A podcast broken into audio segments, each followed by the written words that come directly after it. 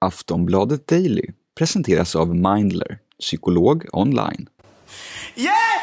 We did it! we did it! And I'm so glad that Sweden are in the finals once more. I didn't betray them. we Konfetti, flaggor, bubblor och ballonger. Nu är det dags för Eurovision och i år blir den ju till och med av till skillnad från förra året. Och visst är det kanske nu, 14 månader in på en pandemi, som vi behöver den som mest.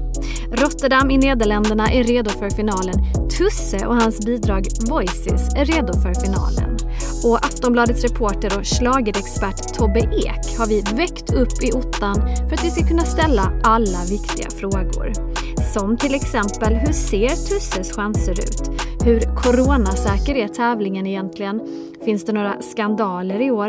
Och vem vinner på lördag? Välkommen till Aftonbladet Daily. Jag heter Olivia Svensson. Ja, Tusse Chisa har ju alltså säkrat sin plats i finalen genom att gå vidare från första semifinalen i tisdags. Så vi ringer upp Tobbe Ek på hotellet i Rotterdam och inleder med att fråga, är han förvånad? Nej, det är jag faktiskt inte. Även om eh, vi, vi, på plats här i Rotterdam har lite grann försökt dra ner Sveriges förväntningar på resultatet här i Eurovision. Men, men till final, det är klart att jag var nervös igår. Mer nervös än vad jag har varit Eh, liksom, under semifinalen så var jag nervös, men mer nervös än vad jag varit de senaste åren. För att Tusse inte är med i toppen på vadslagningslistorna så som det brukar vara. Men så som han sjöng eh, så förtjänade han verkligen att ta sig till final. Så, att, så att mm. mera lättad skulle jag säga. Och okay. Det var precis så Tusse kände också. Eh, han sa på presskonferensen eh, någonting i stil med att, med att eh, eh han inte svek oss svenskar, att han inte svek Sverige. Och, och efteråt när jag frågade honom så sa han precis det, att det var det som han hade känt, att han, hade liksom, han skulle ha svikit Sverige om han inte tagit sig till final.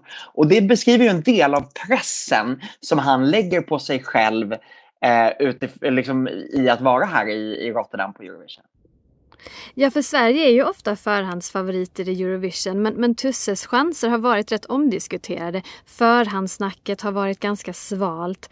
Varför har det varit det? Vilken är din expertanalys? Jag skulle säga så här att det som, eh, som hände i Melodifestivalen, det är ju dels att Tusse i sig är ett fenomen. Han skärmade oss i Sverige via Idol. Eh, han är fantastisk på scenen, han är en fantastisk sångare, men han har också en fantastisk historia. Eh, och tillsammans med låten och framträdandet Voices så slog det liksom an en sträng hos oss, oss svenskar. Eh, det framträdandet kändes som ett väldigt tydligt budskap. Låten, eh, allting eh, liksom gifte ihop sig. Men när man sen flyttar Eh, det framträdandet till Eurovision, det ser lite annorlunda ut, det är en liten annan scen. Men framför allt så plockas det bort från kontexten.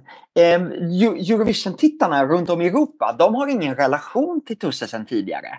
Och när man har andra scenshower med, som kanske är, liksom, som också har viktiga budskap, men, men där det är enormt mycket tydligare på scenen. Eh, ta Norge Eh, och, och Tix som, som alltså klär ut sig till en ängel och slits av jävlar runt omkring. Det är så, det, han skriver ju folk på näsan om hur han slits av inre demoner. Eller eh, ryska Manisha som, eh, som sjunger om, som, som vill stärka ryska kvinnor eller kvinnor i hela världen och, och sjunger om det så tydligt, tar med sig eh, hundratals ryska kvinnor av alla färger och former i, i video, på videoskärmar på scenen som sjunger det här tillsammans med henne. Det. I det så blev liksom Tusses budskap mycket otydligare skulle jag säga. Och det tror jag är en del i att det känns mera som en, ja, det är en bra låt med en bra sångare, men det där slaget i magen som man kände i Melodifestivalen, det kommer inte fram lika tydligt här. Vi är snart tillbaka med Tobbe Ek från Händelsernas centrum Rotterdam. Men först några ord från vår sponsor. Skulle du vilja prata med en psykolog men vet inte riktigt hur du ska göra? Mindler är en digital vårdgivare där du fritt kan välja bland 300 psykologer och prata online via videosamtal eller chatt. Ett samtal kostar 100 kronor. Du är garanterad en tid inom 24 timmar och genom hela din behandling kommer du att få träffa samma psykolog. Via Mindler-appen kan du även ta del av ett stort antal självhjälpsprogram. Läs mer på mindler.se. Vi är tillbaka i dagens avsnitt och ska prata lite om Eurovision och Sverige. Är det en kärlekshistoria? Ja, det är det faktiskt. Vi debuterade i tävlingen 1958 och sedan dess har vi varit en spelare att räkna med. Vi har nämligen ett otroligt bra vinnarfacit med hela sex vinster.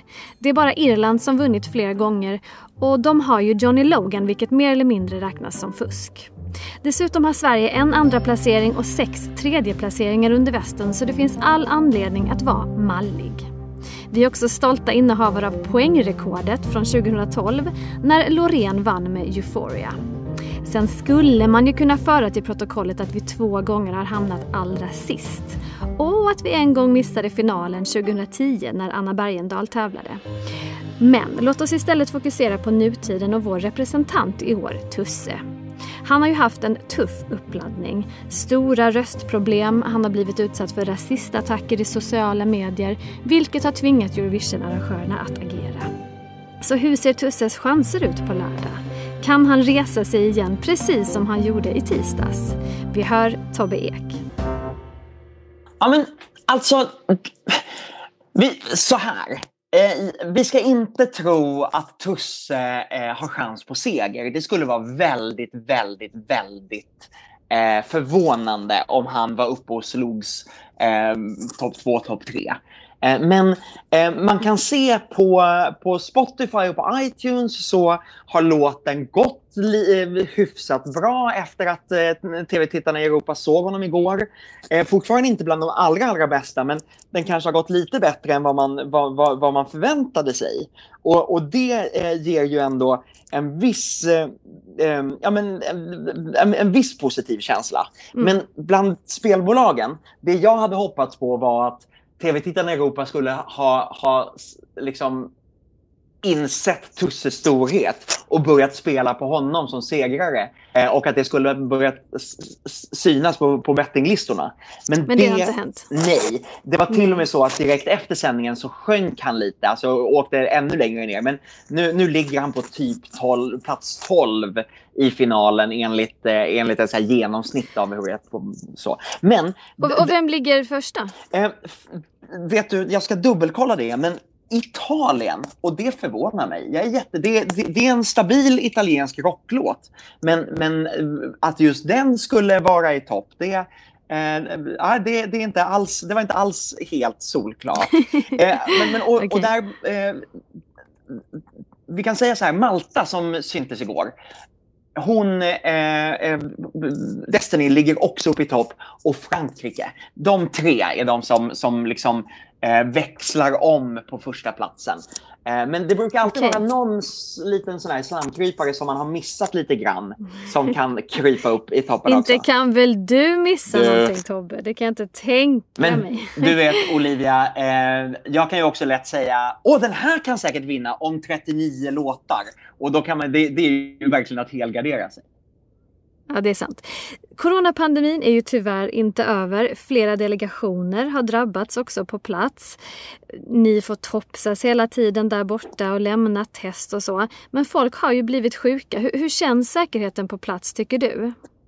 Jag skulle säga att, att, säkerheten känns väldigt, väldigt bra. Det, det, är väldigt noggrant med att hålla avstånd, man måste ha munskydd på sig.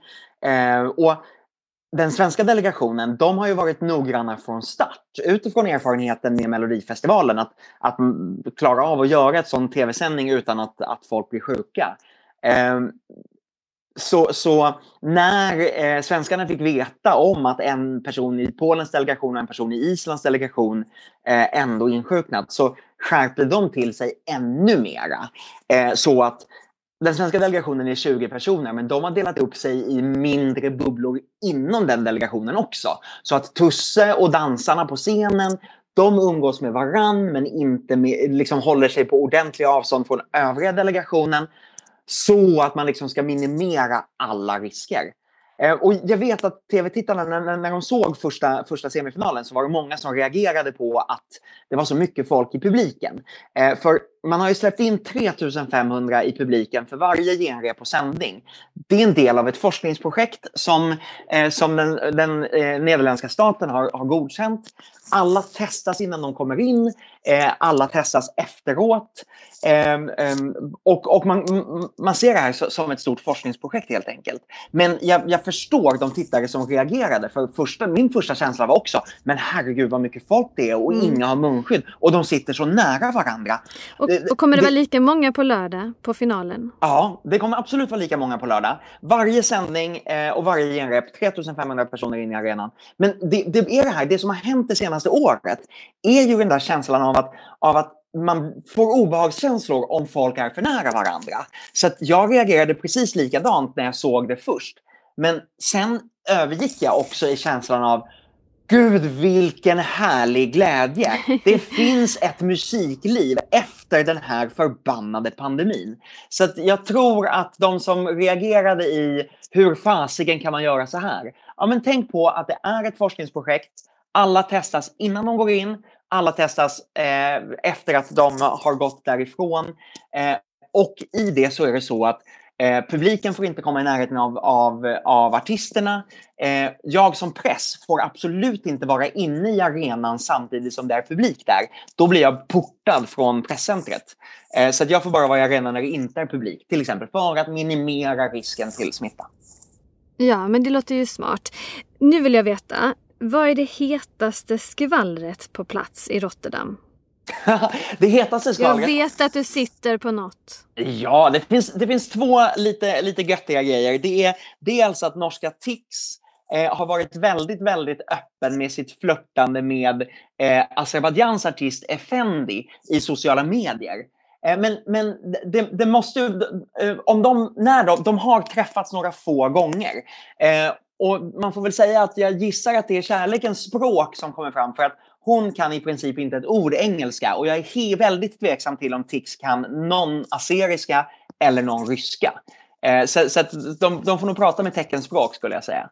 Eh, och sen har ju en jättestor snackis varit eh, att vi har misstänkt att San Marino bara har sysslat med ett fullständigt PR-stunt när de har sagt att Flow Rider ska vara med på scenen i, eh, i, i artisten Zenits nummer. Men nu är han på plats i Rotterdam. Jag hade inte trott att han skulle komma.